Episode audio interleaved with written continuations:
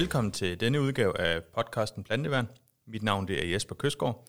Jeg er agronomy manager her på Sjælland og kører og rådgiver og vejleder landmænd og konsulenter i brugen af vores kemi og andre produkter i BSF.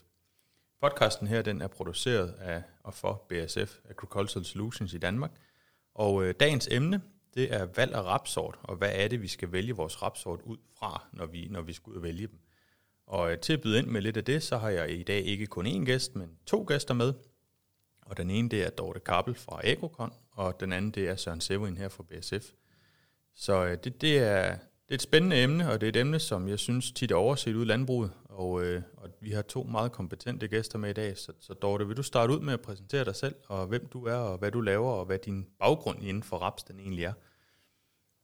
Ja. Jamen, øh, jeg har jo som sagt min egen øh, firma, som jeg startede op for snart fire år siden. Og øh, der tilbyder jeg noget faglig support til virksomheder inden for landbrugsbranchen. Og den support strækker sig jo helt fra forsøg ud i marken, hvor øh, vi samler nogle data sammen omkring dit produkter, som firmaerne vil have testet. Og derudover uddrager jeg så nogle øh, konklusioner, som giver noget øh, brugbart information til virksomhederne, som de kan bruge i deres markedsføring og, og rådgivning. Og øh, udover det, så øh, at, er det jo de virksomheder, som vi har inden for landbrugsbranchen, er jo enormt dygtige og kompetente og ved rigtig meget omkring deres produkter og anvendelsen af den. Øh, men det, der tit kan være fælden, når man sidder med i sådan et specialiseret område, er jo også, at øh, der er nogle ting, man tager for givet lige pludselig. Mm. Øh, man ikke får kommunikeret ud, eller man synes måske, det er noget gammel viden, som ligger i skuffen. Og der kommer jeg så måske med nogle andre øjne, eller mere friske øjne, på tingene, og kan ligesom få bragt nogle, nogle ting, noget viden frem, og eller måske sætte i en anden sammenhæng, så virksomhederne kan ligesom kan få bragt det ud til landmændene, og så ud til, hvor landmændene har gavn af det. Ikke? Ja, det, det, det ved vi jo alle sammen også her i BSF, at der er nogle ting, man tænker, det ved, ved de jo godt derude, fordi nu har vi jo sagt det 20 gange til dem. Men det er måske ikke alle, der har hørt det de 20 gange, det er blevet sagt, eller så har de hørt den enkelt gang. Nej, bestemt. Altså man kan synes, der er nogle ting, der er helt, øh, ja, det er måske ikke så nyttige, men de kan godt være ret nyttige også i nogle forskellige sammenhæng. Ja. ja. ja. Og inden for rapsen, der er du jo heller ikke øh, helt ny, kan man sige. Øh, der, Nej. der har du jo været lidt et nogle år. Prøv at fortælle lidt om, hvad det er, du har lavet inden for, for rapsegmentet. Ja. ja, altså jeg startede nok med at arbejde med raps, da jeg startede i øh, Monsanto, eller det kalp, ja. hvor øh, jeg var med til at lave et forsøgsprogram i Norden og Baltikum og test af sorter. Og ikke kun i de der småskala forsøg, men øh, vi lagde dem også ud hos landmændene i nogle store skala forsøg. Ja. Øhm, og var der og kom så også til Tyskland efterfølgende for det kalve arbejde der, ja. nede med deres rapsorter. Ja. Og så øh, derefter kom jeg jo til BSF og var der i nogle år. Men det var så med sprøjtemidlerne inden for raps. Ja. Så ja, jeg har angrebet rapsen lidt for forskellige vinkler over en del år. Det gør så også, at du sidder med en viden, vi så i dag kan forhåbentlig putte lidt ud af til, til vores kære lyttere. Ja, lad os håbe det. Og Søren, du er forholdsvis ny i BSF, men øh, har også erfaring inden for rapsen. Vil du også lige øh, præsentere dig selv en gang? Tak for det, Jesper. Jamen, øh, jeg hedder Søren Severin, og er uddannet af agronom, og øh, specialiseret mig inden for, inden for planteværen, inden for især additive, som øh, jeg synes er meget interessant også. Og jeg starter jo her i BSF 1. april øh, med ansvarlighed for, for raps, både sorter og planteværn, og så også for roerne og for bælgeplanter. Ja. Og her i Norden, der er, der det øh, både planteværn og såsiden, så også vores rapssorter. Og for Baltikum, der er det planteværnsdelen, ja. står for. Og tidligere der har jeg, for der har jeg otte års erfaring inden for både grovvaren og planteværnsindustrien, hvor jeg både har arbejdet med, med sorter, altså med genetik, mm. men også med, med planteværn. Ja. Så der er, ikke, så. Øh, der er ikke rigtig noget af det her, der som sådan er nyt, andet end, øh, end det er et nyt firma og nogle nye produkter. Men, men selve grund, grundviden inden for det, det er... Min interesse, den, den ja. ligger inden for, inden for planteværn og, ja. øh, og sorterne og hele samspillet, der er sådan, hvis man ser holistisk på, på landbruget øh, derude. Så, så det her det er en meget, meget interessant udfordring også. Øh, og spændende produkt at arbejde med også i, øh, i BSF ja. for hele området. Og så kan man sige, at dagens emne er jo netop valg af rapsorter. Og noget af det, vi jo tit oplever eller har oplevet tit førhen, det er jo, at, at enten landmanden han sidder på, på majtaskerne og kommer i tanke om, at han skal have købt noget raps, eller at det egentlig er, er udefrakommende faktorer, der lidt påvirker, hvad det er, man skal købe eller vælge at købe af rapsorter. Men jeg har ikke indtryk af, at der er ret mange landmænd, der sætter sig ned egentlig og kigger, kigger data igennem, hvad er det, vi vil vælge en rapsort ud fra, hvad er det helt specifikt, jeg som landmand vil have rapsort. Og der tænker jeg jo lidt, I to I kunne byde ind med, hvad er det for nogle værktøjer, den her landmand han skal kigge efter, hvis han sætter sig og vælger nogle, eller kigger på nogle sorter. Øhm, og Dorte, jeg ved ikke, om du har nogle præferencer for, hvad er det, en landmand han sådan skal, skal kigge på, når han skal vælge sin, sin rapsort? Jo, altså man kan jo sige, over de senere år, de sidste 10-15 år, er det jo blevet andre informationer, man har at vælge sort ud fra. Ja. Altså, tidligere, der, det, at man egentlig havde til rådighed, det var jo, at man, det var en linje eller hybrid sort, det var det, man fik at vide. Og hvad er det så, den har ydet i forsøgene de tidligere år? Ja. Så det var ret begrænset, men, men måske også lidt nemmere at, at tage en beslutning ud for det. Altså i dag, der leverer øh, forædlerne bag sorterne meget mere omkring sorten, altså mange flere informationer omkring dens vækstmønstre og tidlighed i blomstring og tidlighed til høst. Så, øh, så jeg ved ikke, om det er blevet nemmere eller sværere, det må være op til den enkelte, men, men, men man har i hvert fald mange flere informationer at tage sit valg ud fra. Ja. Og øh, der, hvor, jeg, hvor når vi vælger sort, der er det vel egentlig i bund og grund udbytte, jeg tænker, der er det mest interessant. Øh, vi vil jo gerne have, at det skal være så højt som muligt, så vi ligesom kan få nogle penge i kassen igen. Ikke? Ja. Men, øh, men der, hvor jeg tænker, at det, der er vigtigt at se efter, når vi, vi skal vælge en sort, det er jo en sort, som har en høj øh, stabilitet. Ja. Øh, og selvfølgelig også et højt udbytte. Og stabiliteten er jo sådan en, en lidt pussy størrelse, fordi det er jo ikke noget med et gen, vi sætter ind i rapsen, og så, så er den stabil. Altså stabilitet er jo et udtryk for mange forskellige faktorer, mm. som kan være noget med, øh, hvordan etablerer den sig. Øh, er der en god vinterfasthed? Er det, har den forskellige sygdomsresistenser? Eller og skuldborgspringsresistens? Altså alle mulige forskellige faktorer, som byder ind og giver en eller anden stabilitet i sorten. Ja. Og man kan jo sige, der fra tidligere, hvor vi gik fra linjesorter til hybrider, der tog vi jo et, et kvantespring uden videre i, i stabilitet i sorterne. Altså, nu kunne vi lige pludselig have raps på meget varierende jordtyper, og bakketopperne stod ikke sådan øh, skaldet, som de gjorde engang, vi havde linjesorter, vel? Altså, ja. nu kan vi godt se, at bare det ved at komme over på hybrider, har vi fået meget mere stabilitet ind. Ja. Men jeg tænker også, når, altså nu kan man sige, udbytte og standardkvalitet af den slags, øh, hvor, hvor stor forskel er der, hvis man ser på en sortsliste, og siger, er, er vi i top 5, før der begynder at være statistisk forskel? Er vi top 20? Hvad, hvad er vurderingen på, på, hvor vi ligger henne? Hmm. Altså, det, det kan man sige, hvis vi, du skal vælge et, et, en strategi inden for planteværn, så er der jo altid en signifikans forskel, der bliver regnet ud fra. Om der er forskel på, hvilke løsning vælger du. Den har vi jo ikke på samme måde, når vi ser udbytterne på sort info for eksempel. Nej, altså det varierer jo meget øh, hvad, i forsøgene ja. hvad det er for nogle, øh, hvad hedder det, om de er signifikante eller ikke er signifikante. Og vi kan jo rent faktisk godt komme igennem et helt år med en masse forsøg, og så se, at der ingen signifikans er. Ja. Øh, det oplever vi jo øh, nogle år. Og derfor er det også vigtigt, at, at vi har nogle forsøg, som øh, vi kan stole på først og fremmest, mm. hvor vi har en kvalitet, som, som er i orden. Øh, selvfølgelig er det både kvalitet og kvantitet, der er afgørende i forsøg, ikke også? Øh, men jeg vil sige, at kvaliteten er absolut den vigtigste. Øh, og når vi får nogle resultater fra et, fra et forsøg, jamen, så er det jo sådan set et udtryk for, hvordan den sort har ydet det givende år på det givende areal. Ja. Og i princippet får vi ikke mere at vide.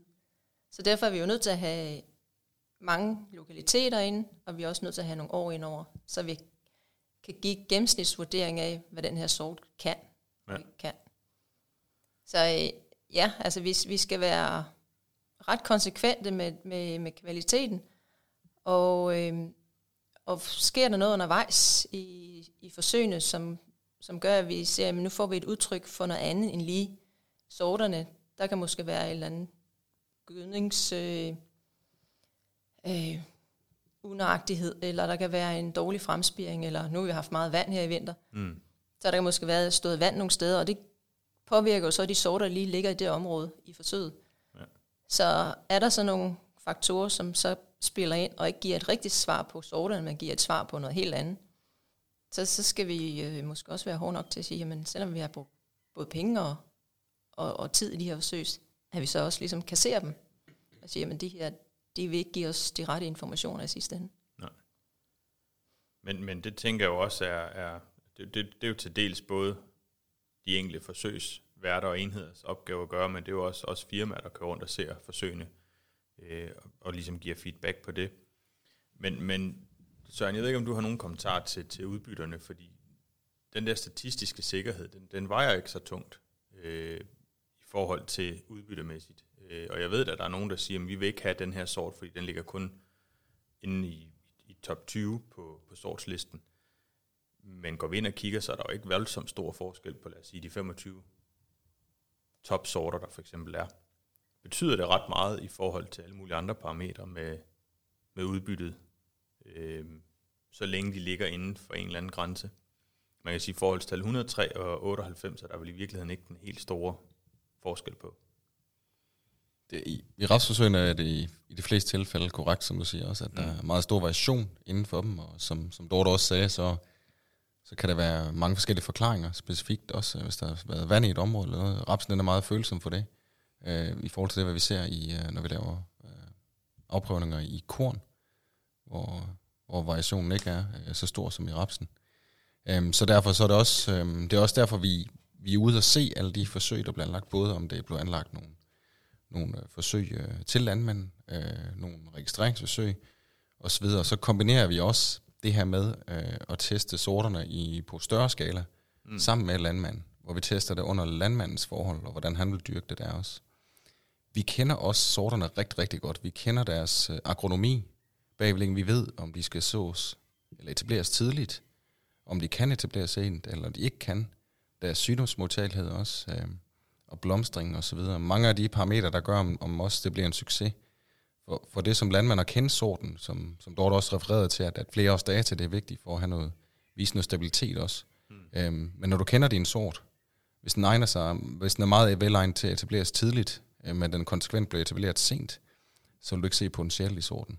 Øh, så så for, for landmanden som landmand at, at kende mest muligt af de her informationer og vide, hvordan de kan håndteres, så som Dorte også sagde, at vi har fået mere og mere information omkring sorterne, men på nogle punkter er det blevet mere og mere forvirrende, for det er ikke bare et valg om at vælge en hybrid eller en linjesort. I dag er der mange andre parametre, der også uh, spiller ind. Ja. Men, uh, men derfor så har vi også, jo flere af de her forsøg, vi har, og de feedback, vi har fra landmænd, når vi tester det i større skala, det hjælper os også meget bedre til at give den rigtige vejledning til landmanden ude i, uh, ude i praksis, når han, uh, når han køber vores sorter. Ja.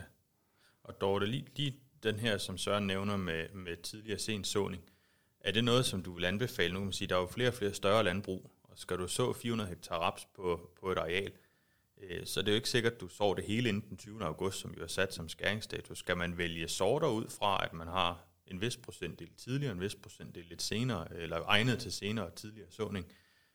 Eller er det sådan en lille en del af, af sortsvalg, at det ikke har så stor betydning?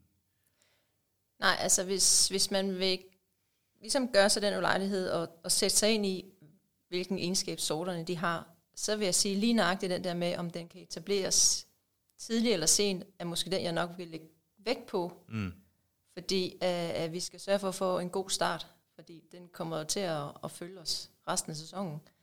Så, så hvis man ved, at man har et, et stort areal, hvor man begynder forholdsvis tidligt med at så, som du siger, og så måske kommer lige lidt til den senere side, så vil jeg helt klart se på, hvad er det for nogle sorter, der så er tilgængelige, som vil egne sig godt til tidlig såning, og hvad er det for nogle sorter, der egentlig vil egne sig godt til senere såning. Ja. Og udover det, så vil jeg måske også kigge lidt på, uh, jamen, hvad er det for nogle uh, arealer, som jeg skal tilså? Altså har vi arealerne med, som man ved måske ligger lidt på lidt koldere jord, og vi har måske lidt sen frost hen af foråret, eller er det en lun lokalitet? Så, så sådan nogle ting vil jeg også tage med ind i mine, mine overvejelser. Ja. Men først og fremmest i hvert fald, kigge på såtidspunktet, ikke? Ja. Og sørge for, at man får valgt en sort, som man ved kan nå at etablere sig inden vinter, ikke? Ja. Altså selvom vi har nogle milde vinter, som vi har haft nu her, ikke? Altså det har jo ikke været rigtig koldt. her i Ikke vinter. rigtigt. Man kan ikke sige, at det har været ret meget Nej. vinter. Det har været for og efterår hele Det har vinteren. bare været forbandet vådt. Ja, lige præcis. Men koldt har det ikke rigtig været, vel? nej, nej. Så, øh, men, men alligevel har, har det været hårdt for rapsen, altså fordi øh, at måske alt det vand, vi har fået, har ligesom nedkølet jorden, ikke? Ja. Og selvom den har stået og småkroge, så har den ikke haft det nemt. Så vi skal ikke gå og tro, at, at den måske kan nå at komme sig over vinteren. Nej, vi skal sørge for at have en godt etableret rapsmark, Ja, inden vinteren. inden kalenderen siger vinter. Ja. Ja. Ja, man kan jo sige, at den der skæringsdato på 20. august, den ligger der jo af en årsag, kan man sige. Og det er jo, det er jo hvert år, vi ser, at der er nogen, der får sået den 25. eller 28. eller helt hen i september. Og det bliver bare lige de samme rapsmarker Nej. øh, resten af sæsonen. Nej, nej. Specielt i år har vi, har vi fået lov til at se, øh, hvornår, hvornår de forskellige marker er sået. Altså, vi har kunne se det her ind til foråret, at, at dem, der er blevet sået til en sen side, øh, de har måske heller ikke øh, set så godt ud. Nej. Selvom vi selvfølgelig ikke høste med øjnene, vel? Men man kan jo Nej, godt nej, se, når nej. der er bare pletter, og når Ja. rapsen står og piver. Lige præcis. Jeg kan også blive med, at i og med, at vi i dag har øh, modsat før meget effektive øh, produkter til at, til at holde tilbage, til at holde rapsen tilbage i efteråret, så den heller ikke bliver for stor, så skal man jo heller ikke være nervøs for at komme måske lidt for tidligt ud med at få etableret rapsen. Ja. Øh, for hvis den får en, en størrelse, hvor man fornemmer, at det her det, det godt gå hen og blive for kraftigt i forhold til vinterfastheden, jamen så kan vi øh, holde det tilbage med noget effektiv vækstreguleringsmiddel. Det var nok ikke en mulighed, vi havde for, for, for mange år siden. Nej. Det har vi i dag, øh, så den tryghed har man også, så vi har altid et håndtag, vi kan trække i og sige, at så holder vi her. Og det kan man sige, det, det leder jo også tilbage til de to podcast, jeg har lavet med Kalsbøl Gods og med Bævelse Gods, der jo netop også siger, at rettidighed er jo deres alfa og omega. Altså kan vi så, også selv dem det er 1. august, så vil de hellere så 1. august, velviden, at nu kunne det lade sig gøre, end de vil risikere at stå den 20. august med tre ugers regnvejr, og så kan det ikke lade sig gøre. Det, det, øh, det tænker jeg egentlig er en god tommelfinger, næsten uanset hvad vi arbejder med i landbruget. Kan vi gøre det, så skal vi egentlig også gøre det. Øh, og så lige netop, som du siger, vi kan rette op på det senere hen også. Ja, men en ting kan man jo sige, det, er, jo, det er jo væksten, ikke også? Og, og det er jo klart, eller det er rigtigt, som du siger, ikke også? Der kan vi jo justere den med noget vækstregulering. Men jo tidligere vi så den, så kan vi også sige, at den, der kan være nogle sygdomme, som så spiller mm. ind, man skal være opmærksom på, ikke? Øh, og der kan, kan man måske også gøre sig den lejlighed og lige sige, jamen har den en eller anden form for fomeresistens indbygge, ja. den sort, man vælger til at så tidligt, Mm så den allerede har en eller anden øh, form for, for modstandskraft mod FOMA, som, som etablerer sig i efteråret. Ja, Absolut. Er der andre sådan parametre i løbet af, af etablering efterårsfase, I egentlig ville have fokus på? Man kan sige, FOMA og så tidspunkt er jo noget af det.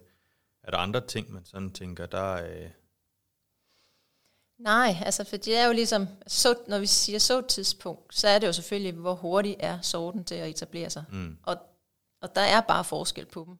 Altså der er nogle sorter, man tænker lidt på, når den står der ikke og bliver til særlig meget.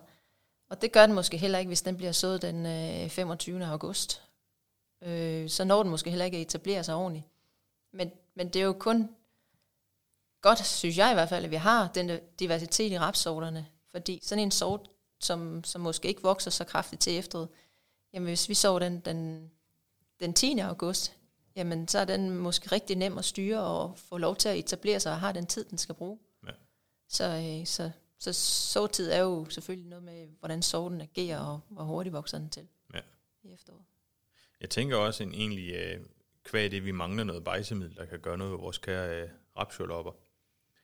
En, en raps, der etablerer sig ekstremt hurtigt, altså, den- er vel også kun at foretrække i forhold til den problematik. Ja, i forhold til lopperne. Ja. Ja, ja det kan man jo sige. Altså, den, øh, den vil jo måske vokse hurtigere fra det. Men nu starter, de starter jo selvfølgelig alle sammen med kimbladstadiet, ikke? Ja. Ja. så de står jo. alle sammen små til at starte med. Så øh, det kommer også lidt an på, hvornår oplever vi. Angrebet. Ja, Ja. ja. ja. Det gør det. Og det er der, hvor landmanden så også kommer ind, hvor han kan gøre noget. Han, han får jo den her pakke med genetik, den raps kan give. Øh, Mm. En etablering, som Dorte også nævner her, de står alle sammen er meget følsomme her på kimbladstadiet. Hvis han etablerer rapsen i uens dybde, så de kommer op, at den ene har kimblad i dag, og den anden har først om tre dage osv., hvornår skal vi så sætte ind med en, med en, med en sprøjtning direkte mod de her rapsjolopper, Ja. når vi nu ikke har det i bejsning længere. Det er i hvert fald effektivt. Så, så det er en anden del, der er meget vigtig, det er ensartet etablering. Og hvis man så siger efterårs, det er ligesom de ting, vi skal være opmærksom på i efteråret. Så kommer vi hen foråret. Der er jo også nogle, nogle udfordringer for, for rapsen, der, der ligesom spiller ind i forhold til, øh, hvad er det for en sort, vi skal have. Der tænker jeg jo lidt på lys bladplet. Det er jo noget, der har været meget snak om, specielt det her forår. Øh, hvad har betydningen egentlig været, og hvor stort omfang har vi set det, og vokser rapsen fra det? Øh, er det, er det noget, man skal være opmærksom på i sit valg af sort også, øh, lys bladplet, eller er det sådan lidt en sekundær ting, der bare er på rapsen? Altså, vi har jo kun oplevet nogle få gange herhjemme, at lys bladblæt har været så aggressiv, så den rent faktisk har betydet noget. Mm. Øhm, og, men, men der har også været mange år, hvor vi ikke har stødt på den. Og man kan sige, at de år, hvor den virkelig øh, sætter sig fast i rapsen, der, der kan den koste utrolig meget.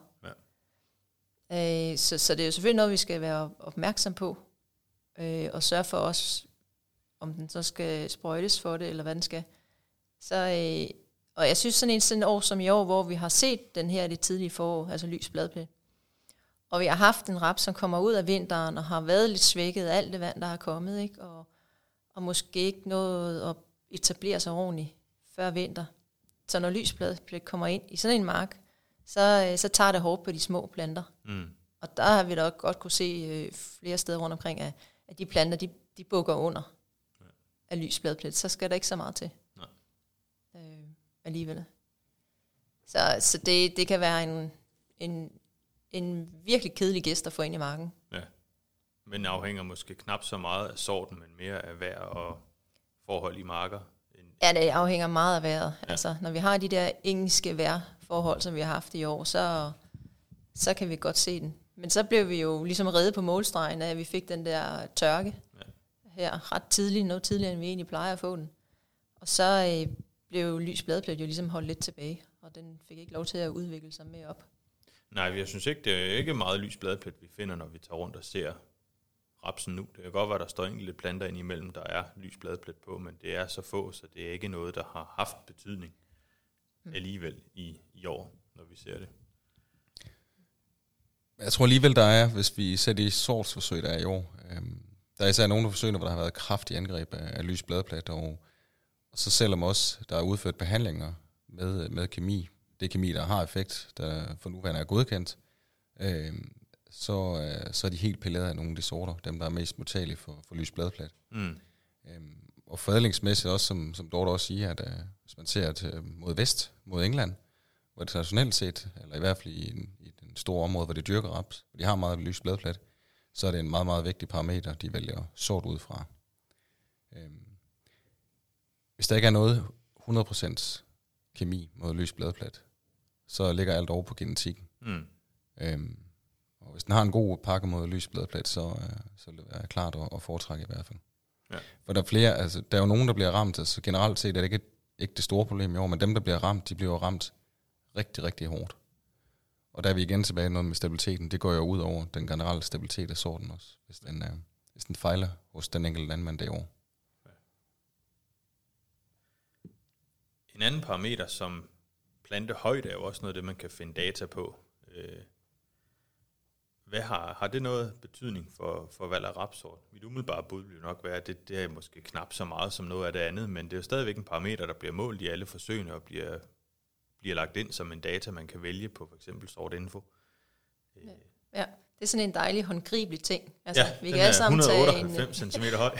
ja, vi kan alle sammen tage en tommestok med i marken og så måle Ja. ja. rapsen, og vi kan også se, om den er lav eller høj.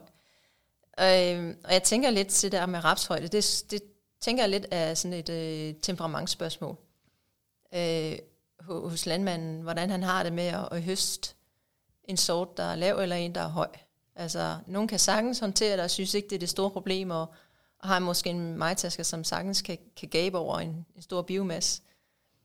Og, og så er der andre, der synes, det der, det kravler bare hen over skærebordet, og drønirriterende at have med at gøre. Ja. Så jeg tænker, det er lidt en, en temperaments øh, udtryk, om, om man gerne vil have en høj eller lav, fordi vi ser jo ikke nogen korrelation imellem udbytte og højde. Nej. Altså, der, der er ikke rigtig noget, der hænger sammen. Nej, umiddelbart heller ikke som sådan mellem lejesæd og højde. Øh, Nej, ikke nødvendigvis. Ikke, Nej. ikke øh, når man sådan sidder og sammenligner de data, der er i de forsøg, hvor der har været lejesæd, så er det jo egentlig ikke højden, der afgør, om der er en raps, der Nej. går i leje eller ej. Nej, altså, det er den stråstyrke, som, som sorten nu har, ikke? Og, og man kan jo sige nu igen, hvis vi er tilbage til, til raps øh, sortsvalget, at hvis man, man øh, har en, en sort, som måske øh, ikke har den stråstyrke, der gør, at den kan blive stående, hvis den virkelig sætter et ordentligt skuldbelæg. Og man ved, at man måske ikke lige er den, der får holde øje på det tidspunkt, hvor den skal vækstreguleres, så den bliver stående, jamen, så gør man måske klogt i at sørge for ikke at vælge en sort. Man ved, der er lidt blød i, i strået. Altså, øh, så, så man skal være over de der sorter. Men, men stadigvæk kan man jo vælge en sort, som, som man ved at have, har en blød, blødt strå, ikke? Men, eller stængel, men, men som yder fantastisk højt. Altså. Mm. Men hvis man ikke ligesom er der til den tid, hvor den nu skal vækstreguleres, jamen Ja, så skal hvis man ikke, ikke. Øh, hvis ikke det er en parameter, man er opmærksom på, så, så, øh, så, så bliver man jo også fanget i den lige pludselig. Ja, ja, Øhm, og det er jo det der med, at det er vigtigt at kende sin sort. Ja. Så skal man gå udenom sådan en sort, hvis det Ja. er, man, man ved, at der er man måske presset med andre ting, eller hvad ved jeg, i marken på det tidspunkt. Ja. Ja. En anden ting, man også snakker meget om, det er jo den her skuldbeopspringsresistens. Ja. Og man kan Fantastisk ord, var. Ja, det er fantastisk langt øh, ord, men, men ikke desto mindre, så er, det jo, så er det jo faktisk også en vis betydning for, for mange landmænd. Øh, jeg plejer at have den tommelfingerregel, at det betyder noget, hvis ikke du ved det. Hvis du godt ved det, så betyder det måske knap så meget. Og det tænker jeg jo egentlig på landmandens management omkring høst, hvor man kan sige, har man en masse brødhvede, der skal høstes på, på et lidt mere bestemt tidspunkt, så kan rapsen bedre tåle at stå, efter den er moden, hvis den har skuldbåndspringsresistens. Hvorimod, hvis ikke den har det, så er det jo med at få den høstet.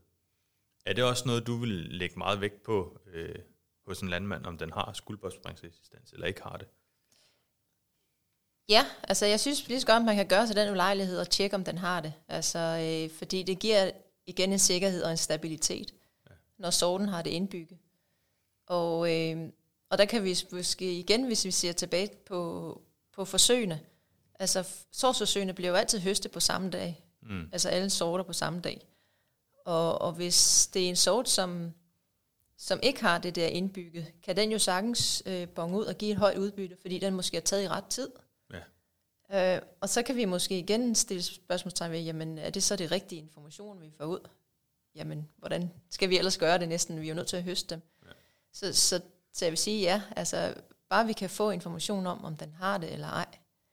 Øh, fordi hvis sådan en sort, der ikke har det, den, den står, og den får lov til at stå, og der så lige kommer en gang blæst, som vi så tit får her ikke Ja. øh, i Danmark, så, så koster det udbytte. Og, ikke, og en ting, at det koster udbytte, det er jo drøn ærgerligt, når man har lagt øh, en, en masse penge og energi i sin raps, at man så mister noget lige inden høst.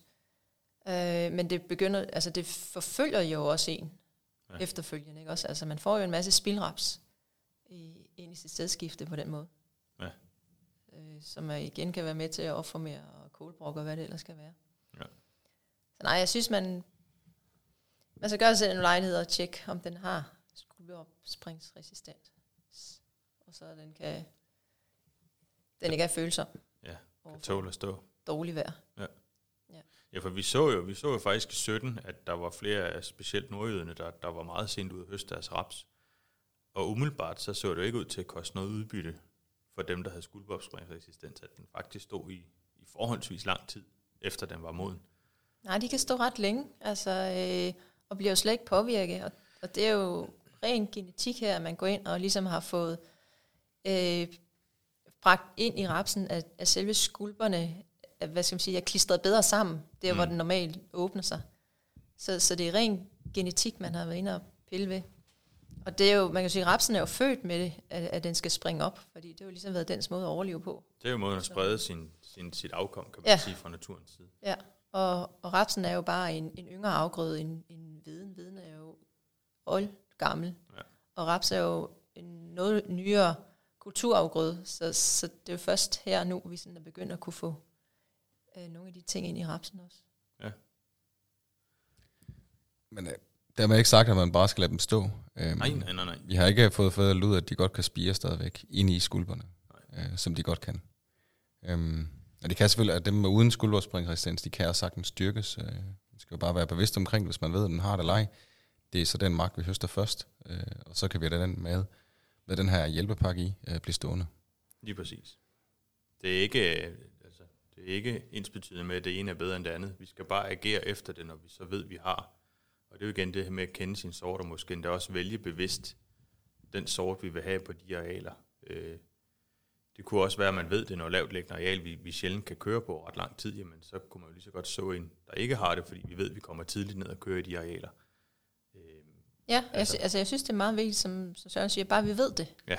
Ikke? Altså, fordi vi har jo også set i sovsforsøgene, der har ligget sorter, øh, forholdsvis langt op øh, i rangstigen, som har et rigtig godt udbytte, som ikke har op, opspringsresistens. Ja.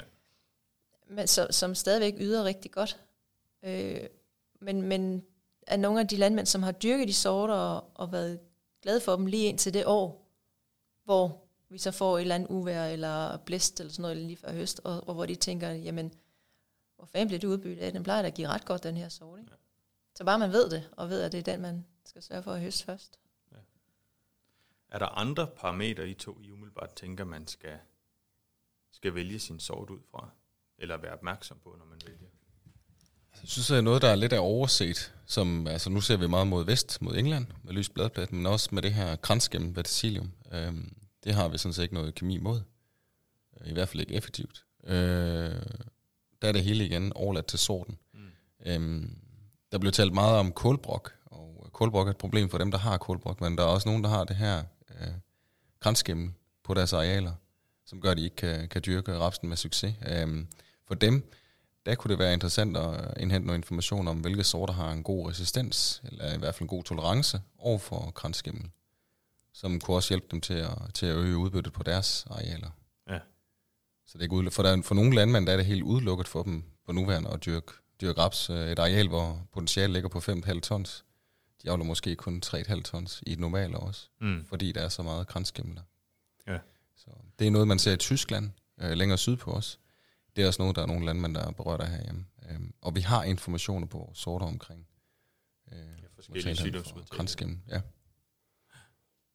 Noget andet, nu nævner du også lige kålbrokken. Og du nævner også, at det er et problem for dem, der har den. Skal man så dyrke op, hvis man har kålbrok, hvis man skal være lidt fræk? Nu springer vi måske lidt ud over sorten. Øhm, men en kålbrokresistent sort fjerner jo ikke kålbrok fra arealet. Det gør bare, at du kan dyrke en raps, Ja, ja, du kan dyrke den. Øh, men, men, det er jo det resistensgen, som, som vi har i sorter, jo, er jo stadigvæk det samme, som vi har haft siden nogle af de første mm. kålbrok-resistent sorter kom på markedet. Så vi har jo det ene gen at gøre godt med, og, øh, og vi har jo også set steder, og specielt i Tyskland, hvor det gen ikke slår an længere, altså mm. det bliver nedbrudt. Så, så vi skal tænke os om, og, og jeg synes ikke, man skal gøre det med bind for øjnene. Altså dyrke på arealer, hvor man ved, at man har problemer med kålbrok, og så sætte en sort på med resistens, fordi det, det går ret hurtigt, og så har vi ikke den resistens længere at benytte os af. Nej. Så jeg vil nok måske hellere hælde til at sige, jamen så udelukker lukker vi rapsen på det areal for ja. en periode. Ja. Hvis ikke det umiddelbart er sådan flere parametre, vi sådan kan vælge ud fra, så kan vi opsummere at sige, udbytte er jo en af dem, det varierer jo igennem forsøgene. Og man kan sige, det er jo ikke nødvendigvis, at, at top 25-sorten ikke er god på marken, fordi den ligger som nummer 25 på sortslisten, men er egentlig et udtryk for, at, at de ligger tæt op igennem øh, udbyttemæssigt.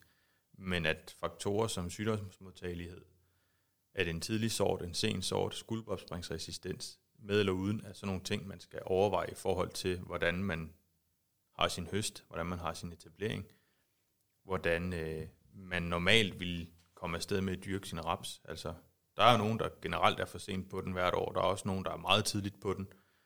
Øh, vi ved også høstmæssigt, der er nogen, der har nogle prioriteter for at høste nogle andre afgrøder, inden de høster deres raps. Vi ved også, der er nogen, der altid vil høste deres raps, inden de kører over i deres ved. Så øh, der er vel ikke sådan en generel anbefaling til hver enkelt land, eller til, en, til landmænd generelt. Det er vel egentlig ud fra den enkelte, der skal sætte sig ned og kigge sig selv i øjnene sådan set og sige, hvad gør jeg normalt, og hvad skal jeg så vælge ud fra? Hvilke data er vigtige for mig at vælge? Ja, altså der, der er meget temperament altså op til den enkelte. Ja. Og, og hvilken kapacitet har jeg omkring såning, og hvad har jeg omkring høst. Ja. Altså det er nok det, man ligesom skal, skal vælge ud fra. Altså, øh, Så kan man sige, at det vigtigste for os, og grunden til, at vi også laver den podcast, det er jo netop at få folk til selv at vælge, og ikke at tage det, der er nogle andre, der siger, man skal vælge, fordi så kender man måske ikke hele sorten, og har ikke hele dataet på plads. Har den nu den her opspringsresistens? Er den god til sen eller tidlig såling? Hvis man vælger det, man bliver tilbudt, eller det, man får at vide af andre, man skal, skal vælge. Og Søren, vi har også noget, man kan vælge, hvis vi skal runde af med det. Øh, BSF har jo også rapsorter. Øh, kunne du prøve at lægge et par ord på de sorter, vi har, har på markedet? For, for Danmark så har vi øh, til den kommende 2020-sæson her, etablering i efteråret, der har vi to sorter. Øh, to sorter, der faktisk er vidt forskellige også, og to for, sorter, der har øh, også øh, forskellige historier, helt forskellige genetik også. Ja. Øhm, og den ene, det er en sort, vi kender. Øhm, der ligger med et forholdstal på 100, og 103 over de seneste fire år i landsforsøgene. Så den har vist noget stabilitet også. Den hedder INV 1030. Det er, det er en sort, der, der skal etableres tidligt. Den har en, en, en rolig vækst i efteråret. Og etablerer man den tidligt, så når den at få den størrelse, den skal. Øhm, den har til med også, øh, så vi i, i, i det forsøg her i år, også øh, ser på det landsforsøg, der er på Fyn, at, øh, at en lys bladplet, resistensen er rigtig, rigtig god. Ja. Øh, så det er en af dem, der ligger helt i top her. Og så har den til med et, et, et højt olieindhold øh, og et okay øh, frøbøtte, så, så ser vi på standardkvaliteten, så giver den øh, over de seneste fire år et forholdstal på 103, Ja. som, som er ganske fornuftigt også. Den har en øh, størrelsesmæssigt, så er det ikke en af de højeste sorter, øh, og det er heller ikke en af de laveste, den ligger midt imellem. Øh, og høsttidspunkt er også øh, et normalt høsttidspunkt. Ja. Øh, så en, en velkendt sort, øh, som der også er flere, der dyrker med succes også, og også gør det stadigvæk. Øh, så INV 1030. Ja. Men vi kender sorten, og de landmænd, der dyrker den, kender den også. øh, Og når man kender sorten, så kan man få meget mere ud af dens potentiale også. Ja. Så etabler den tidligt, og, og så skal du vide, at den har en god resistenspakke mod lysbladplat. Et par hovedpunkter på den. Det er det vigtigste. Og nu nævnte du, der var to, så forventer jeg, at der er en mere. Vi har, øh, vi har faktisk en helt ny en, øh, som øh, lige er, er, blevet godkendt også, og som til og med også er kommet på recommender list i, i England. Øh, og de sorter, der kommer også på recommender list, de klarer sig rigtig godt i England også, og det har Ja. de også gjort i Danmark. Øh, det er en sort, der hedder Dassler. Øh, og Dassler er en helt anden genetiktype end, øh, end vores øh, INV 1030. Øh, Dassleren den er, har en hurtig vækst i efteråret, og så har den der også en lav tendens til stængelstrækning i efteråret, som gør, at du kan etablere den tidligt, uden den løber helt fra dig. Øh, og, øh, og hvis den bliver for kraftig, så kan den få lidt vækstregulering. Den har en rigtig, rigtig god sygdomspakke, også agronomisk pakke. Den øh, stængelstyrken er, er i top, og den har både skuldersvrækresistens, den har god fomaresistens, både en specifik en, men også en bredt virkende en. Mm. Øhm, og så har den en god øh, resistenspakke mod, mod, øh, mod både kranskimmel og lysbladplat. Ja. Øhm, så en helt ny uh, type her, som også er, er fædret ud fra en efterspørgsel, der har været i markedet, også om, at vi vil have en bred og stærk agronomi øh, og nogle, nogle, nogle solide, solide præstationer i marken. Og det er også det, den har gjort. Den, øh, vi har den også med i forsøg i Sverige nu her. Øh, og den klarer sig godt i Danmark, den klarer sig godt i England, så det er en af dem, vi ser som sådan bobler, bobler til fremtiden. Ja. Øhm, og selvfølgelig er der flere, der kommer flere nu her også, men uh, Dashleren er den første. Og der vil være en begrænset mængde her til, til sæsonen 2020. Øhm, og vi har den også i vores, uh, nogle af vores store skalaforsøg, og det ser rigtig, rigtig godt ud. Ja. Tidlig blomstring, øh, men, men så selvom den er tidlig blomstring, så må man tro, at den måske, øh, den måske også tidlig høst, det er den ikke. Det er faktisk normalt høsttidspunkt, så vi har en rigtig, rigtig lang periode, hvor den, fra den blomster til den, til den er klar til høst, så en lang frøindlejring. Ja. Øhm, og derved kan noget af dens udbyttepotentiale også ligge i, sammen med dens øh, gode agronomi. Så det, det er INV 1030 og Dassler, som, ja. Som man kan vælge af, af den genetik, vi tilbyder i, i BSF. Ja. Lige inden vi, øh, vi runder af helt på, på podcasten her omkring raps, så tænker jeg også lige, at vi kunne vende status ude i markerne nu. Det har jo været lidt et uh, alternativt år med, med både den vinter, vi har haft med, med masser af vand, men også uh, blomstringen har været ret lang. Og hvad, hvad ser du, når du kommer i marken nu her, Dorte? Ja, ja, det er rigtigt, at blomstringen har jo været øh, lang i år, og nogle af de tidligste marker, de første marker, der begyndte at blomstre, det var vel allerede den første uge i, i april. Ja. At vi så de store blomstrede, og, og de blomstrer jo stadigvæk. Der er så flere marker nu, der er sådan aftagende blomstring, ikke? Men, men det har jo nok været det der kølige vejr, Mm. som, som vi fik, som gjorde, at den fik en, en langsom start i blomstringen. Og, og det kan man også sige, det gjorde måske, at der var lidt mere elastik øh, for, for svampesprøjtningerne i år, at man havde lidt længere tid at gøre det i. Ja. Øh, hvorimod nogle andre år, altså der, der eksploderer det jo nærmest, da begyndende blomstringsstadie 60 til stadie 65 i fuld blomstring. Altså det, det er jo få dage, man har at gøre godt med. Ja, så 14 dage, 3 uger efter, så er alle blomsterne væk igen. Ja, så, så, så det er trukket ud, så man har haft god tid til at nå sin øh, svampesprøjtning, ja. øh, vil jeg sige. Og så, som vi var inde på lidt tidligere, vi har jo, har jo set det der lys bladplet i år, ikke? som har været hård ved, ved nogle sorter, øh, og andre sorter har en bedre robusthed øh, mod det. Mm. Men, øh, men de der små, tynde planter, som var dårligt etableret og sådan noget, der er en del af dem, der er gået til i år på grund af lysbladplet. Så, um, og, på grund af det måske lidt senere såning, er der jo flere marker, som kunne have set bedre ud, synes jeg, øh, når man kører rundt øh, og kigger på dem i år.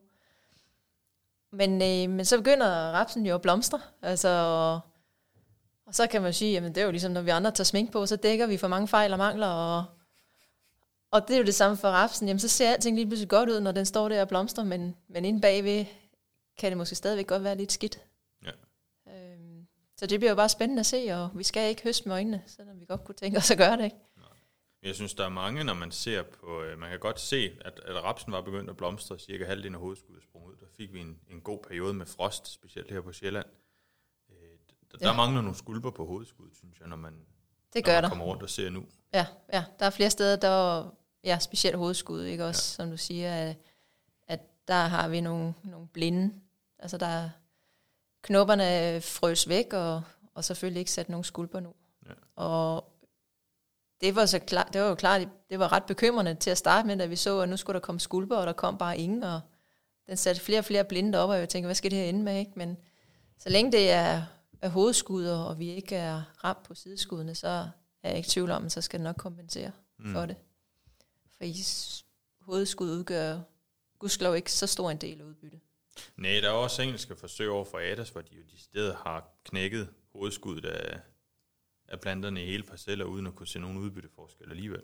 Så, så den er jo ret god til at kompensere. Ja, og det er jo lidt det, vi også gør, når vi vækstregulerer. Ikke? Altså, Jo. vi bryder den der apical-dominans, som det hedder. Ikke? Altså, Ja. Så vi giver noget mere energi til sideskuddene. Så jeg tænker ikke, vi skal være så bekymrede for, at, at den fik lidt frost.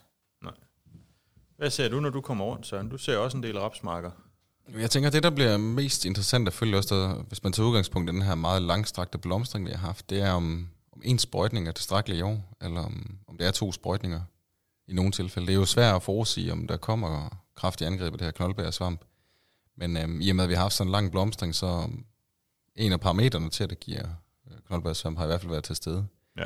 Så, øhm, så det bliver interessant at følge. Og det vi så også ser, når vi har Ja, de, øh, de demoer, vi kører, vi kører sådan nogle test ud ved landmand også, øh, mm. udover selvfølgelig vi deltager i, i de her landsforsøg, øh, og også andre afprøvningsforsøg. Tester vi også ud hos landmand, og øh, de steder, hvor de har kørt med Pictactiv, vores nye svampmiddel til, til rapsen, øh, der ser man virkelig også nu her i år, hvor det har været lidt presset, den her effekt af, af den kometdel, der er i Pictactiv, Ja. hvor, hvor planterne ser sundere ud. De ser mere robuste ud, mere grønne også end det er også. Øhm, og som du også har observeret øh, øh, tidligere, Jesper, så ser vi, får, en, en, vi får faktisk lidt mere blomstring af det, ud af det. Ja, vi har jo faktisk nogle billeder tilbage fra, øh, fra, fra 17 og 18, hvor vi faktisk så, at de spor, der havde fået Pictactiv som forsøg, de havde øh, cirka en tredjedel blomster tilbage, da resten af marken havde smidt alle kronbladene. Og det er jo i høj grad kometdelen, der, der leverer den effekt, kan man sige. Og der, derfor så bliver det også interessant at se de, de forsøg, vi får i år. Både ude hos landmændene, og så selvfølgelig også i officielle forsøg. Mere at byde ind på i forhold til raps herfra lige nu. Jeg gerne opfordrer til øh, tjekke efter, om I har grænsgemmen. Øh, det finder jeg ud af også øh, her. I kan følge her det næste måneds tid i hvert fald. Øh, også med knoldbærsvamp, øh, hvor kraftig angreb får I. Er den strategi, I har gjort i år? Evaluere på den nu her, inden I går i gang med at høste. Øhm, og så kombinere det selvfølgelig med jeres høstdata, og så se, om, om I har gjort det, ramt det rigtige år. Ja. Og ellers så tilpasse det til næste år. Lige præcis. Ja, man, man kan sidde på magtaskeren også, og få mange informationer undervejs. Ja. Når man høster og se, hvordan er det lige sæsonen er gået, ikke? Ja, og man kan jo sige, en, en simpel øvelse, det er jo også at gå ud og kigge i sin skulper, eller i sin stup efter, efter majtaskeren. Hvor mange af dem er egentlig sygdomsramt, og hvor mange af dem er, er stadigvæk forhåndsvis friske at se på. Det, det giver også et ret godt billede, specielt på knoldebærsvampen, hvordan vi har, har ramt den. Og, og kranskæmmel også, det er, en af, også. det er en af metoderne, de bruger i Tyskland i hvert fald. Øh, vurderer dem i stuppen. Ja. Så, så rigtig godt, øh, rigtig godt værktøj, også simpelt værktøj. Ja. Ligesom med maling af planter, når vi snakker øh, ved og Mm. mm.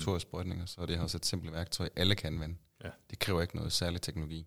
Ikke andet, man bevæger sig i marken. Det er sådan set det Og eneste. få det noteret. Ja, Ja. lige præcis.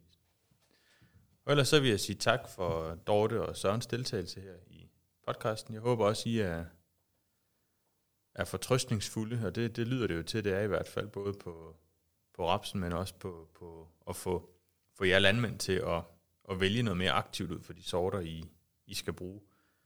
Hvad er det for nogle parametre, vi skal køre fra? Hvordan skal vi styre rapsen, når vi så ved, hvad det er, den egentlig kan, den genetik, vi har på marken? Så vil jeg runde af med lige at sige, at øh, vi har vores lille brevkasse, I kan skrive til stadigvæk. Øh, I kan stille spørgsmål til, til podcasten. I kan også komme med input til, hvis I har nogle de emner, I tænker, der kunne være interessante for at høre derude.